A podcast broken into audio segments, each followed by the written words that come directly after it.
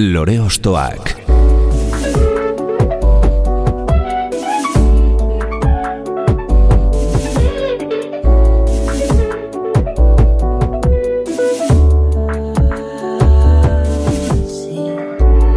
Ekain perezek aurkeztuta, gonbidatu bakoitza lore bat balitz bezala ostokatuko dugu.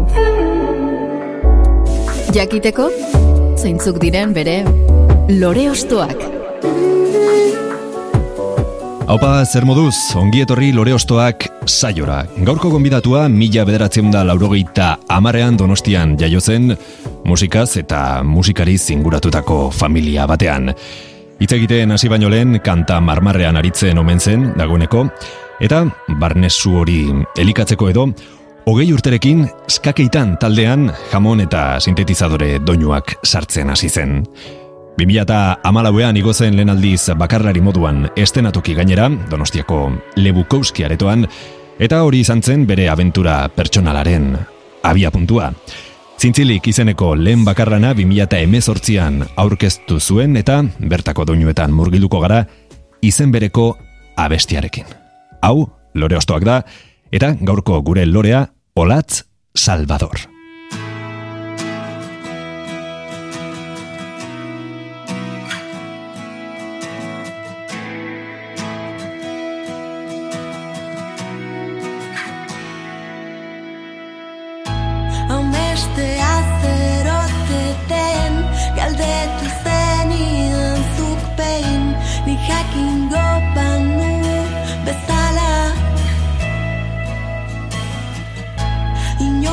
got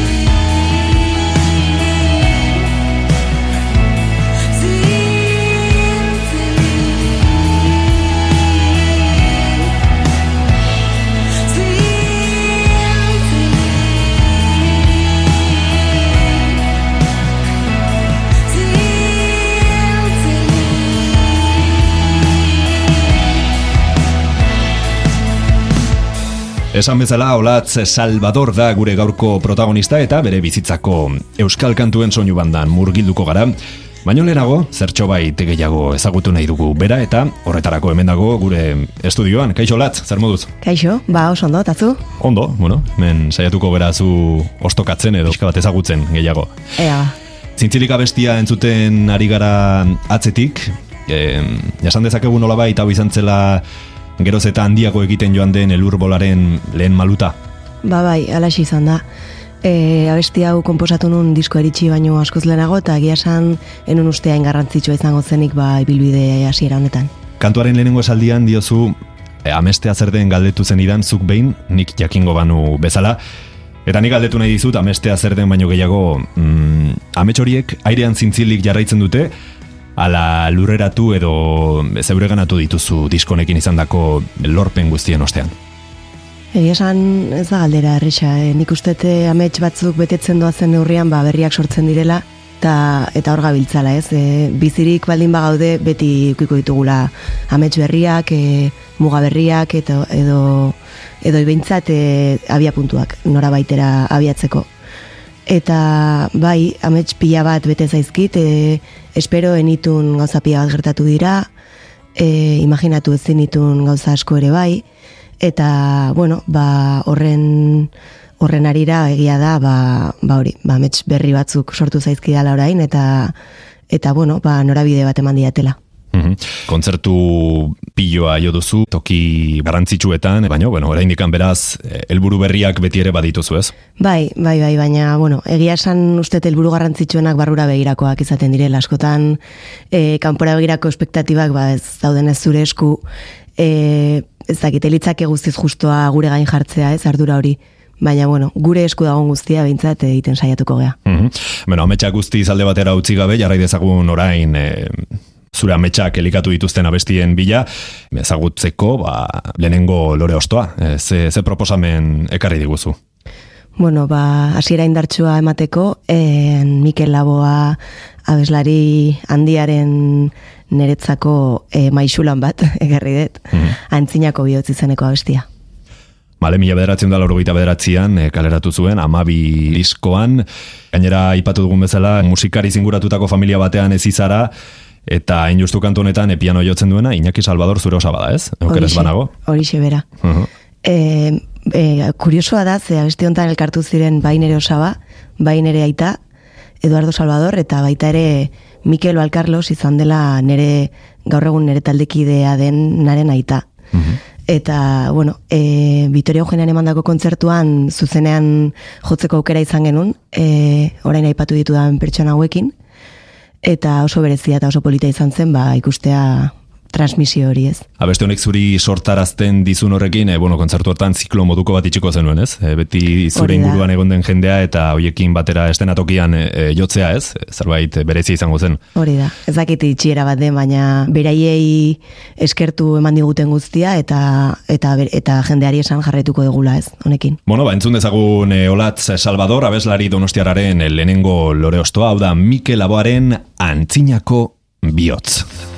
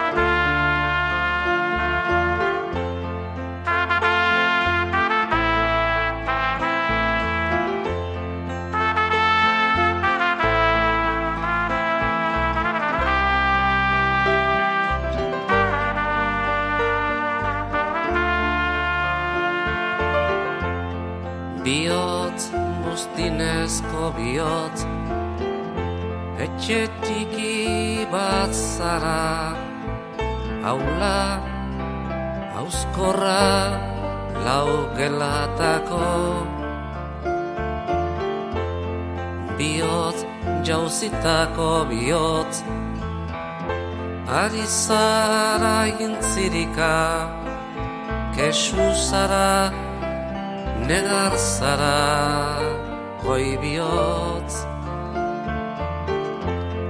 Zai aizamen helian Abends grauen flamendez. Iniotz niei ni naiotz neiei goi bihotz Nertot izain maizta Undu zuar linkendu Niotz nahiat nahi biadainen Niei Lore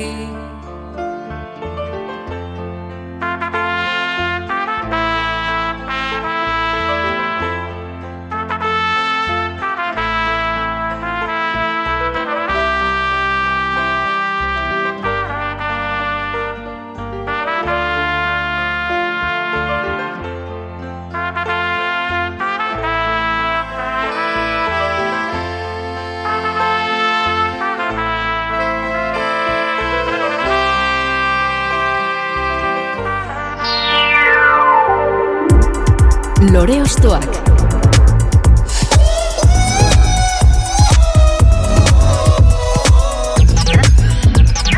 Olatz Salvador abeslari donostiararekin jarraitzen dugu hemen lore ostoak saioan Mikel Aboaren antzinako bihotz abestia entzun dugu eta, bueno, jarraituko dugu zure oroitzapenetan barena, bota, urrengo lore ostoa, zein da? Bueno, urrengoa niretzako oso berezi izan den e, talde bat, gaur egun existitzen ez den talde bat. E, kerobia da talde honen izena, eta pirak izeneko abesti aukeratu dut.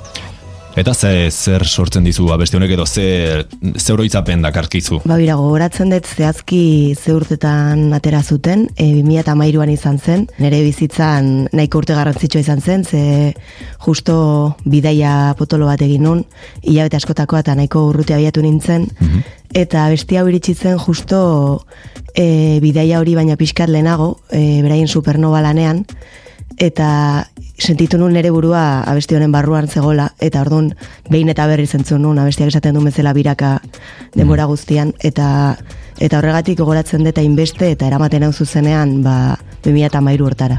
Kurioso da gaina, taldearen azken diskoa uste dut izan zela, e, gaur egun e, Xabi Mandini bakarlari moduan ere badabil, ez jarraitzen duzun bere Bai, bai, gertutik jarraitzen ari naiz. Eta ba hori, ba, disko berezi izan zen gainera, kolaboratiboa edo jendearen laguntza osaturiko lana izan zela, laguntza ekonomikoz eta diskografikari gabe, ez gaen e, parte izan gabe, eta bueno, e, bai izan zen formatu bereziko disko bat. Kerobia aipatu dugu beraz, Supernova diskoa hartuko dugu, birak abestiarekin, hau da, Olat Salvadorren urrengo lore ostoa.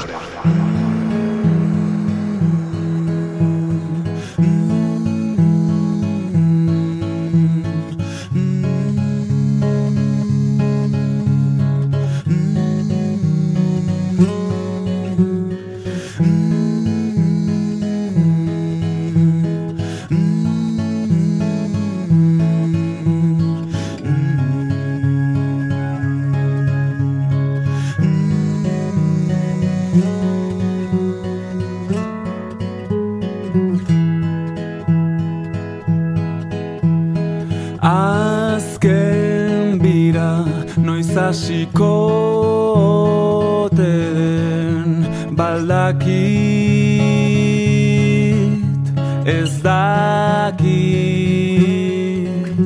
Eskuaz gogor eutxi samurtasunaren ardatzari. Esan zuen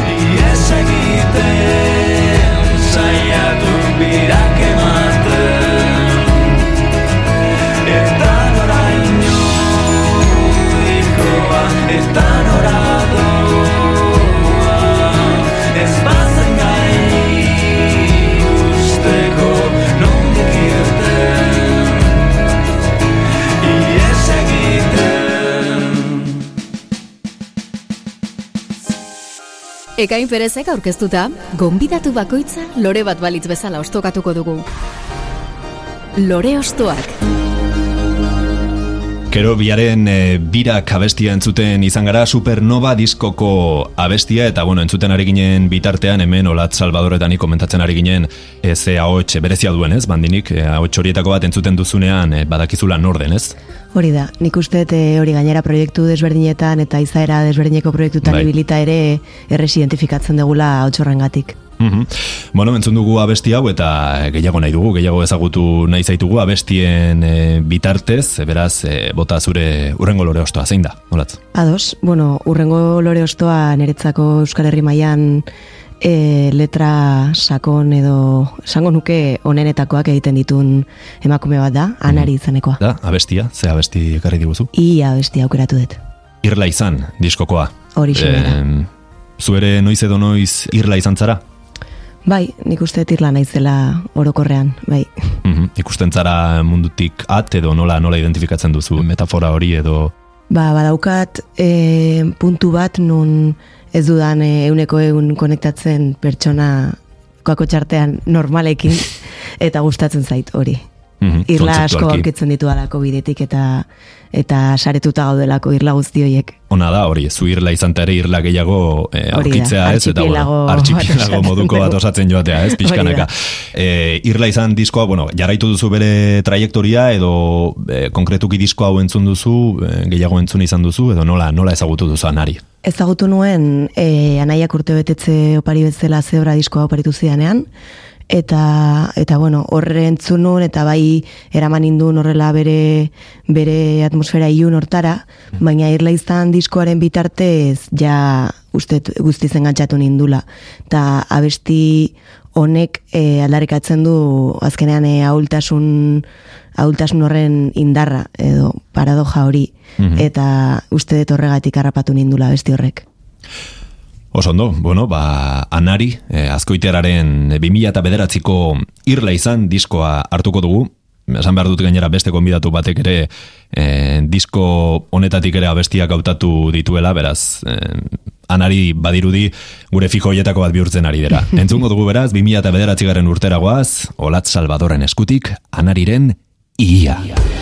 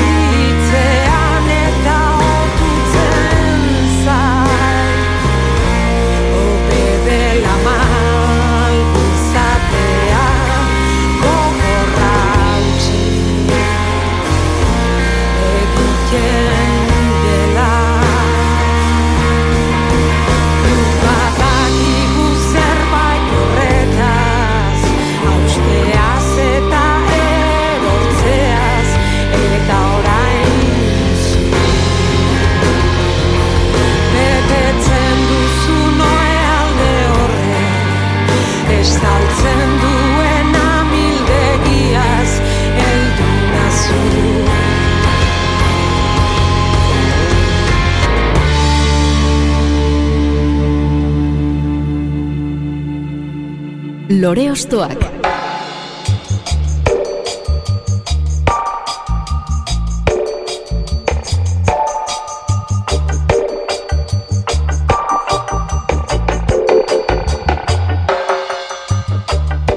Salvador abeslariarekin jarraitzen dugu hemen lore ostoak eh, saioan anariren ia. Irla izan 2000 eta bederatziko kantua entzuten izan gara eta, bueno, em, hemen hitz egiten ari ginen pixka bat ertulian kantua entzuten ari ginen bitartean, nola askotan anarik bai duela puntu hori oso pisutsua, e, tristea eta segun ze momentutan entzuten duzun edo, bueno, eraman zaitakela e, bide ilunetik. Ba bai, bueno, nik uste beti eramaten dula bide ilunetik bere musikak. Baina horregatik e, aukeratu behar dezu noiz jo nahi duzun bide, ilun hortara edo edo agian ez dakazu iluntasuna besarkatzeko gogorik eta beste musika mota bat entzutea komenia, komenigarriago izan daiteke. Claro, momentu ondo hautatu behar da beraz. Horixe, eta neurriz, neurriz.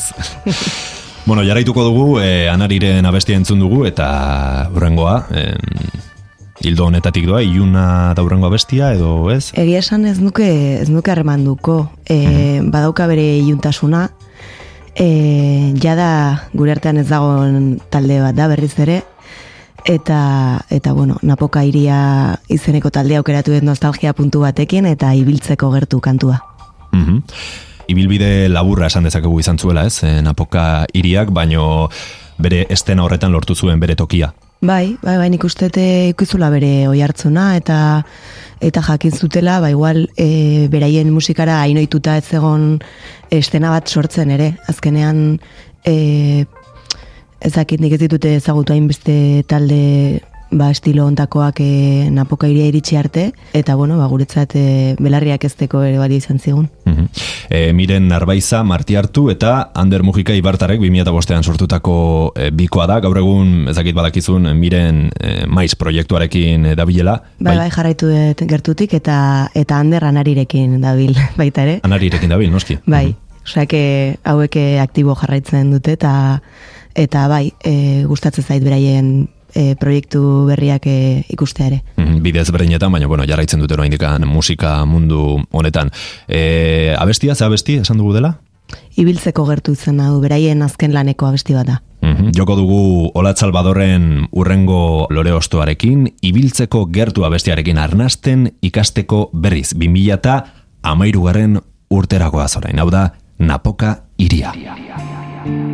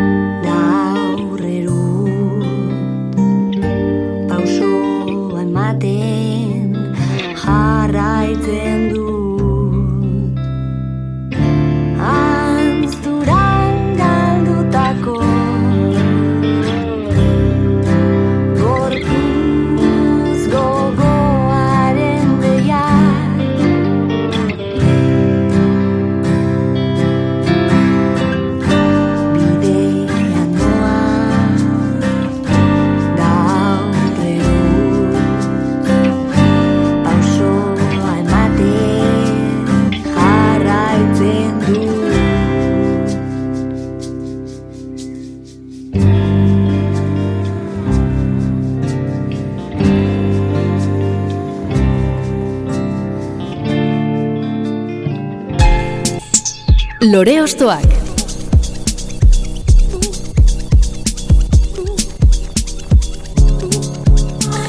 Bidean noa eta aurreruntz dio napoka iriaren ibiltzeko gertu entzun dugun lore ostoak eta guk ere aurrera jarraitu behar dugu bidean, hemen dugu Olat Salvador eta bueno, jakin nahi dugu zure zure bizitzako soinu bandaren urrengo urrengo abestia, zein da? Ados, bueno, Lumi izeneko e, bikote artistikoaren abesti bat da, eta eta bueno, Bukowski aretoan ezagutu nun, naia zubeliaren bakarkako kontzertu batera junintzen, eta eta, bueno, e, momentu berezi horietako bat nun stop batin behar dezun e, jakiteko zer, zer dan hori, eta eta bueno, deskubritzen dezunean ba baia automatikoki zure zure soinu bandan sartzeko aukerak eta hori egiten duzu. Nire kasuan horrela izan zen. Mm. Uste dut gainera ni ere izan nintzela kontzertu hortan. Bakarlari moduan izan zen, ez? Hori da. bai. Egia ze atmosfera sortzen dituen gitarrarekin eta, bueno, oso, oso gauza berezia sortzen du, ez? Bai, eta gian ez gaude hainoetuta berak e, gitarrarekin jolasteaz gain, ba, hotxarekin ere jolastuzun, e, pedal, pedal bat zeukan efektuak sartzeko, eta, Bai. eta bueno, bere hautsa ba, grabeago bilakatuz, eta jolas, jolas hortan nik uste te harrapatu gintula asko. Mhm. Esango diegu entzulei, ezagutzen ez duenari behintzat, eh, Lumi dela naia zubeldia eta Manu Matisek, ziburu eta Donibane Loitzune inguruan sortutako proiektua, 2008an sortua, zuk ere pixka bat bide hori jorratzen ari zara, ez? E, atmosferak edo bide hori gustuko duzu, ez? Asko gustatzen zait, bueno, irutze zait e, beraiena neria baino esperimentalagoa Bai. dela, neria iguale pop e, etiketa zabal hortan gehiago sartu daitekela, eta horregatik iruditzen zait, beharrezkoa dela horrelako taldeak entzutea, e, ba, pixkat e, eremu erosortatik ateratzeko, ez? E, bidaiatzeko pixka sakonago. Mhm. Ze abesti esan duzu? E, Ba, uste ez dudala esan, baina erromantikoarena izeneko abesti bat, nire gustokoena e, dudari gabe. Bueno, ba, besterik gabe entzungo dugu mm, Olat Salvador, abeslari donostiararen urrengo lore ostoa, hau da, Lumi. E, diskoaren izena ere Lumi, 2000 eta amabostekoa, eta kantua erromantikoarena.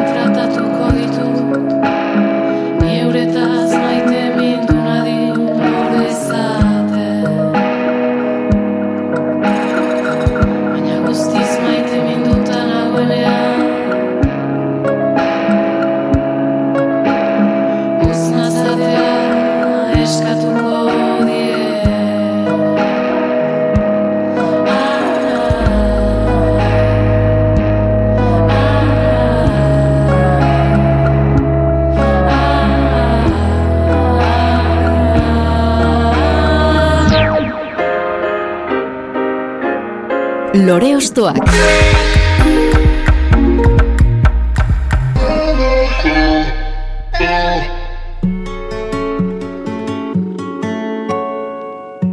Begitxoiekin behiratzen zenidan Esan ez bezala ez zaitez joan Tani zure gogoz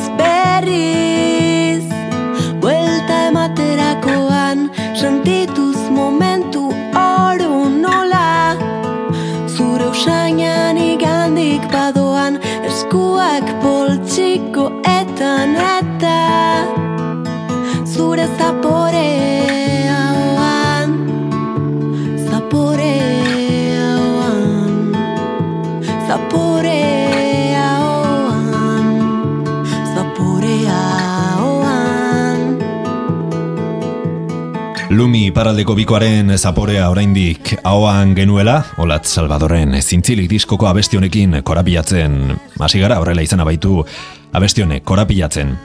E, askatu duzu korapila hori? Ala ezen iritsi guztiz korapilatzera?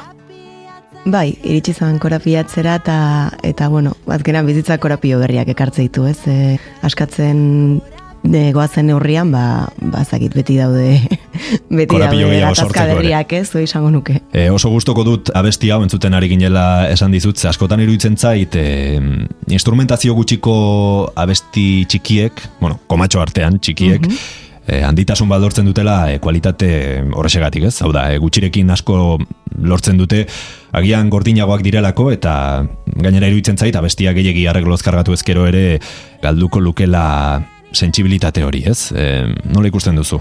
Bai, ba, nire kasuan hori beste abestiak instrumentatzea erabaki nuen bezala, kasu honetan beldurra ematen zian justo aipatu dezun horrek ez, e, gauza elementu askorekin azkenean esentziala ba, bidean galtzea edo pixka difuminatzea. Eta hori iruditzen zait oso momentu e, zehatz bat e, islatzen duela eta eta ba, hori txikia dela dara e, instante hori nun konturatzen zeran ba, ba rapatuta zaudela justo mm, ez dakit e, beldurra ematen dizun egoera hortan. Mhm. Hasieratik beraz argi zenuen abesti horrela izango zela. Hala horrelako erabakia noiz hartzen du artista batek. Ba ez daukat oso argi. En, ekoizpen guztia egin nun bi lagun musikarirekin, e, Julen Iduraz eta Borja Anton, eta jungian eh, abestiak lantzen banan-banan, eta uste dut nik argi gauza gutxi izate ditut bizitzan. Baina uste dut e, ideia horrekin jun nintzela lokalera, esan nula bira. E, agian fondoko zerbait e, jarri dezakegu, atmosferaren bat sortu pixkat osatzeko, baina uste dut e, ez duela zer gehiago behar honek. Mhm. Esan bezala, korapilatzen abestia entzuten izan gara eta urrengo lore ostoaren bila joko dugu. E, parametro hauek betetzen ditu urrengo abestiak, ala ez? E, zemotatako abestia da. Ba, ez dakit, nuke esango parametro hauetan sartu dezakegunik, agian e, bada oso erraietako abesti bat, baina nik uste e, askoz energikoagoa dela, e, katartikoagoa, e, oiu eginez e, abesteko abesti horietako bat dela esango Bai. nuke. Bueno, ba, saiguzu, zein da? Kasu honetan, e, Bilboko regaldea auzoko e, talde bat da, zea maiz, uste e, jende gehienak ezagutuko duen talde bat dela, eta, eta beraien abestia ere nahiko ezaguna intzen, bere garaian, elektrizitatea izena du. Mhm. Bueno, ba, entzungo dugu ez amaizen abesti handia hau elektrizitatea 2000 garren urteragoaz, e, diskoak ere elektrizitatea izena du, eta hau da, Olatz Salvador, abeslari donostiararen urrengo lore ostoa. Belar artean, bakardadean biluzik dantzan Oinak guztirik, lurraren erdian, belarrarekin jolasean Pentsamenduak, joan egin zaizkit egunarekin batera. Iuntasunak hartu egin nau negar malkoa. Gau ilun honen azken arnazketaren azkenengo Segunduetan nik ere Oiukatu egingo dut munduak azten banau Lur honek askatzen banau. Zerbait utzi beharko dut Bentsat euritanten artean Ilargiak erakusten duen Aurpegiaren aurrean eskatzen diet. Oiukatu zizar galduei Nire negar malkoek ernaldezate galurra Nire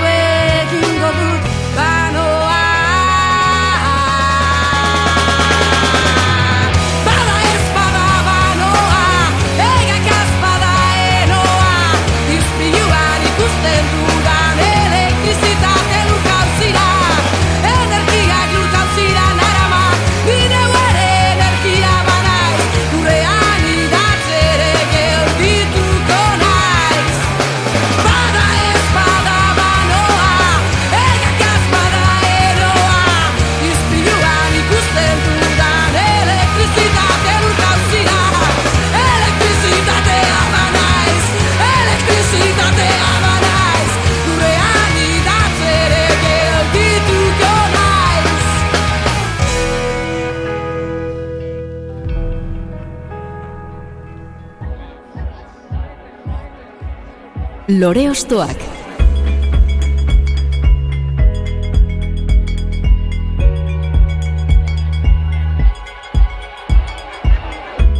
Zea maiz, talde bilbotararen elektrizitatea abestiarekin orgoan gara goraka, baino orain bera etorri behar dugu berriro ere Olatz Salvadorekin hitz egitera eta, bueno, jakin nahi dugu zein den zure aurrengo lore ostoa, Olatz, konta iguzu.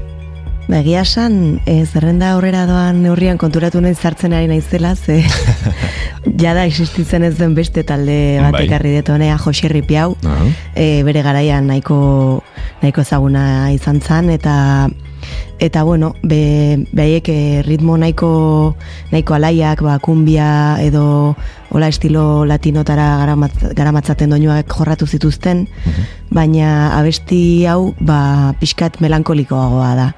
E, bizitza triste eta ederra du izen abesti honek. Mhm. Bueno, bizitza triste eta ederra esaten duzu, abesti ederra da benetan, baino pixka triste uzten gaitu gaina, zein muguruzak orain dela gutxi utzi gintuen, ez? E, nola utzi zintuen e, albiste horrek, edo, bueno, ze, zer suposatzen zuen zuretzako? Bueno, e, egia esan enteratu bezain laister etorri zitzaidan abesti hau gogora, Mhm. Eta berri zentzun nuen abestia, eta, eta bueno, ba, egia esan malko atera zidan momentu horrek, Claro. eta eta hor ulertu nuen abesti horren zentzua ba, inoiz baino beto ez, e, ze tristea eta ze ederra. Claro, bizitza, ez? Ba, bai. Gauz honetan eta gauz txaretan. E, mila beratzen da laurogeita amaseian sortu zen, bertan inigo muguruza, Javier Muguruza, bere anaiare bai, biak Ferminen e, anaiak, Sergio Ordoñez eta gero Asier Ituarte mila bederatzen da laurogeita emezortzian gehitu zen taldera. Javier Muguruzak egiten dituen akordeoi melodia hoietan, e, jantirsenen kutsua edo ikusten duzu, bai, ez? Nire gauza da, edo... Bai, bai, bai, e, egia esan e, badago, nik uste badago la olako paralelismo bat horre, edo agian gure referentzia Ja. engatik da, baina, Bai, bai, bai. baina esan dezunean etorri zaizkit e, hola bi referentzia horiek e, hoien arteko lotura hori etorri zait berehala. Gustuko duzu, jantirzen? Bai, Oso gustuko. izan duzu. Bai, e, eukinun gainera zuzenan ikusteko aukera eta Mhm. eta orain ere ikusi dut biarritzera etorriko dela eta sarrera erostekotan nabil. Abitu, bertan izango zara ziurrenik ordun. Alba dut behintzat, bai. Bueno, ba, entzungo dugu Jose Ripiauen eh, bizitza triste eta ederra abestia. 2000 garen urtera goaz, abesti honekin, diskoaren izen ere, bizitza triste eta ederra. Hau da, Olat Salvadoren urrengo lore ostoa. Maroko atlas aldea. Azni herri merkatuan Neska bere Baten begiak. Bizitza triste. Bizitza triste.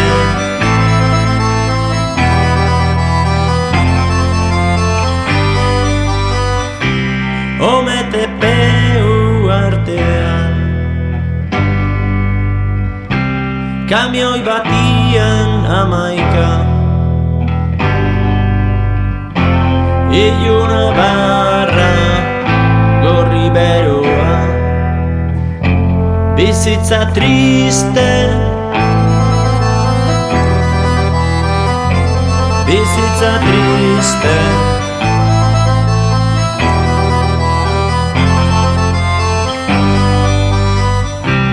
Mexiko taxi batian. Buru bortitza Pistola kainoi patentaktua Bizitza triste.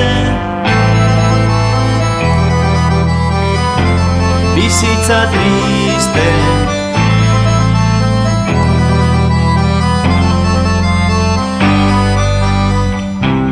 Pasaiako amildegian Gauean larruzko txupaz Beltzara nura nere gainian Bizitza triste Lore Ostoak. Gonbidatu bakoitza lore bat balitz bezala ostokatuko dugu.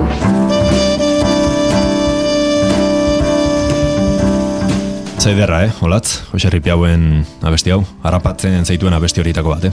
Bai, bada egia esan, eta esaten ditun, e, ez dakit, mm, momentu, islatzen ditun momentu eta leku desberdin Bai. horietara eramaten zaitu, e, ez dakit, e, referentzia desberdinak ditu a Mexikon edo, edo Nikaraguan uste dut, eta bueno, ez dakit, baita bidaiatzeko amaten Bai, du. bai musikalki bai. eta bai hitzen bitartez, ez? Hori da. Bueno, Jose Ripiaurekin bidaiatzen ibili gara eta orain bueltatuko gara Euskal Herrira, e, olatz Salvadorren urrengo lore ostoa zein den jakiteko. Ba, bueno, lehen e, mikrotik kanpo aipatzen ibili gehan bezala uste dut e, errepikatuko den talde bat izango dela. E, ezin zuen beste modu batera izan, nire kasuan e, berri txarrak taldearen e, bueltatzen abestia hautatu dut, baina beste dozein izan ziteken. E, asko izan ditut e, zagit zalantzan ibili naiz askoren artean, eta hau uste dut, e, momentu gehien ekarri izkidan abeste izan dela, ba, izan daiteke e, zuzenekoetan, e, lagunekin, e, zakit, e, eramaten hau benetan, nola, ni nera behago batera. Mhm, Jaio musika hil, diskokoa da, abesti hau, jaio musika hil, musikari askorentzat hori da bizitza, ezta? Bai, e, nik e, duela denboraldi bat e, Twitterren jarri nun jaio lan musika hil, beste musikari askoren Ah. bizitza hori Bai. dela. Ze, kasu honetan esan nahi duzu, e, musikatik bizitza zaila dela, ez? Hori da, hori da. Bai, e, gainera hori, e, eukinun e, feedbacka edo izan zen musikari guzti hoiena atsegin zutela, ba, musikari guzti hauek e, ba hori, e, lan jardunaldiaren ondoren, e, musikaren lan jardunaldi berri hortan aritzen direnak eta eta lo gutxi egiten duten hoiek. Claro, bai. Egia da musikak, e, bueno, musikarientzat e, batik bat, denbora asko jaten dizula, ez? Zure bizitzatik, e, bueno, jan eta eman e, ere, noski, e, azkenean norberaren autua da. Baino e, bizitza horretan, hau da, jaio musika, edo, bueno, jaio lan musika hil horretan, edo filosofia horretan, beste atalei bere lekua egitea berez egiten zaizu, edo, hau da, e, harreman pertsonalak, e, ala kostatzen da hori. Ba, egia esan, e, uste urteen poderioz nire kasua mintza saiatu naizela e, ka, kalitatezko harreman horiek zaintzen eta askotan konturatu naizela ba, ba, ez dakit, edo zein lekutan edo zein pertsonekin edo nahiago, egon baino nahiago detela igual nire etxean eh, nire gitarrarekin egotea eta igual horregatik naiz irla baita ere. Ja, bueno, ba, entzungo dugu Olat Salvadorren urrengo proposamena, kasu honetan 2000 eta bosgarren urteragoaz, jaio musika hil diskoarekin, hau da, berritxaraken bueltatzen.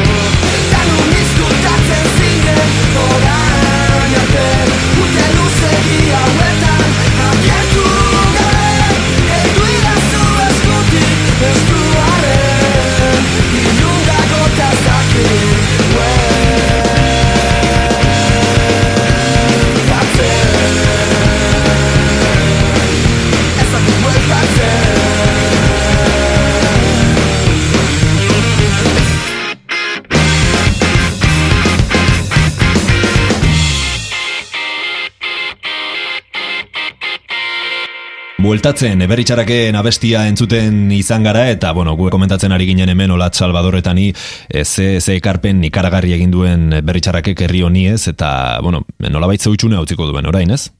Ba bai, e, egia esan hori urte asko izan dira berritxarrak soinu banda izan degula, eta eta utxune hori ezakit erraz beteko te degun. E, Na, edo nork e, beteko duen, edo... Hori da, bueno, ez dakit ez nago ziurre, baina uste ez dala iritsiko talde bat utxune hori betetzera, eta leku asko utzi dunez, ba, agian talde askok betetzeko espazio bat izan daiteke, eta, bueno, adi jarraitu barko dugu ea zeberri dakarren gorka horbizuk, Mm, bai. eta, eta, bueno, ba, ba hori, adi, adi egoteko Adi jarraituko dugu bai. Ja programaren bukarara eristen ari gara eta azkeneko lore ostoaren bila joko dugu. Zein da? Ados, bueno, ba, saioa amaitzeko izaki gardenak taldearen abesti bat aukeratu dut, eta baita ere ekartzen dizkidan oroitzapenengatik hibernazioa du izen abesti honek. Ze oroitzapen ekartzen dizkizu, beste honek?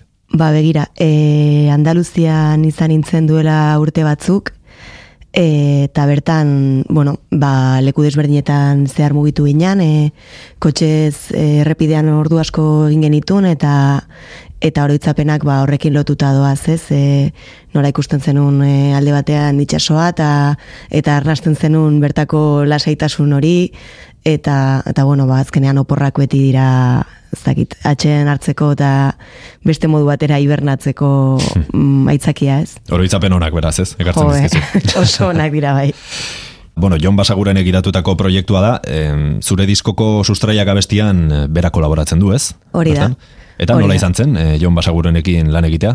izan zen adibidez, ba, lehen aipatu dugun ametxoietako bat, ez, e, zure talde gustuko bateko abeslariari eskatzea, ea zure lehen lan hortan parte hartuko duen, Bai. eta horrelako e, aurpegi honez eta hainbeste erraztasun eman da baiezkoa emateak. Bueno, ba, entzungo dugu Olat Salvadorren azken lore ostoa, 2008an gazteizen sortutako taldea da Izaki Gardenak, eta kasu honetan, 2008 goaz aurri gara diskoko abesti hau entzunez, hibernazioa.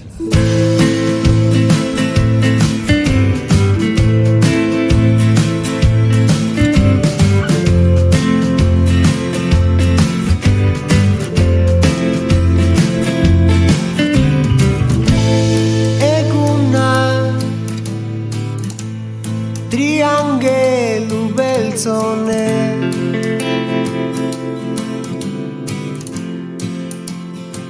Irentsita laguntza. Dei berantiarregia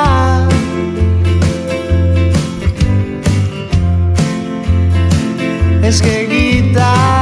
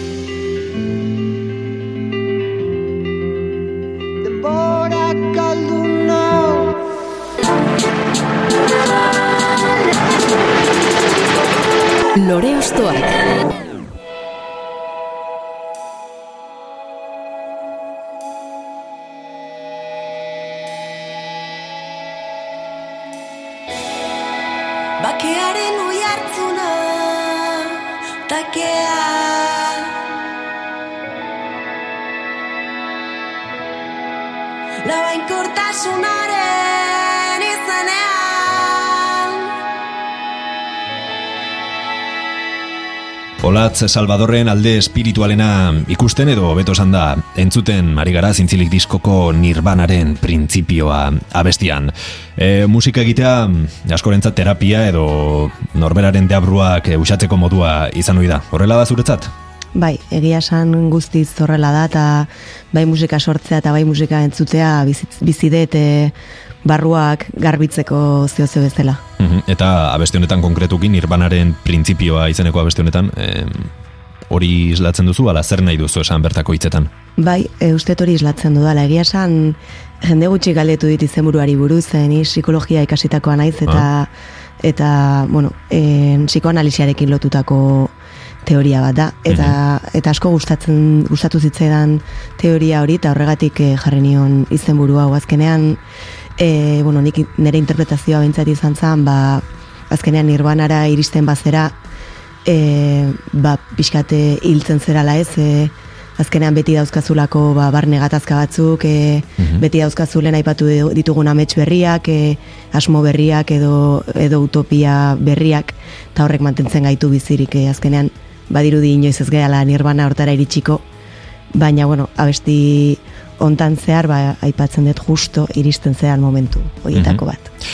Bertako hitzak zuk idatziak dira? En, bueno, gehien bat nik idatzitakoak dira, baina betilekin abestia adibidez anela baka bertsolariak idatzezun. Aha. E, hori egun batetik bestera pasazidan letra eta eta berehala ba, berehala doinua ikusi nun eta gozada badagia esan e, hori gertatzea ez e, batzutan Bai. behin eta berriz bueltak eman arren ez zaitzu ateatzen eta kasu honetan ba, er, errex, errexa intzitzaidan letra hori musikatzea. Eta baita ere, lokarriak eh, abestian, bainat gaztelumen diren laguntza izan nun, e, berak abesti baten ba, abesti bat izango zenaren letra bidalitzean, eta nik guztiz aldatu nun, baina Ah. abia puntu bezala bere letra hori ukin nun. Aha. Ez ez abeslari edo musikari motatako azara zer egiten duzu aurrena melodia ala hitza. Ba, abeslari kaotikoa izan da, egia esan Denetik. denetik probatzea gustatzen zait. Eta gainera uste, e, aberasgarriago izan daitekela horrela egitea. E, azkenean, lan molde finko bat baldin badakazu, askotan igual leku antzekotara iritsiko zealako. Mhm. Bueno, ba, olatz, oso gustora egon gara zurekin e, izketan, zure lore ostoak ezagutuz, eta mila mila esker gurera etortzegatik, zorte asko opa dizut zure proiektuetan, zure musika egiten jarrai dezazula, guk entzuten jarraituko dugu, eta borixe, eskerik asko gurera etortzegatik. Mi esker zuri. Eta zuri dagokizunez, entzule eskerik asko gurekin izateagatik, gogoratu, saio hau edo besteren bat berriro entzunei baduzu, eitb.eus barra euskal kantak atarian topatuko dituzula. Ondo izan, eta hurren arte.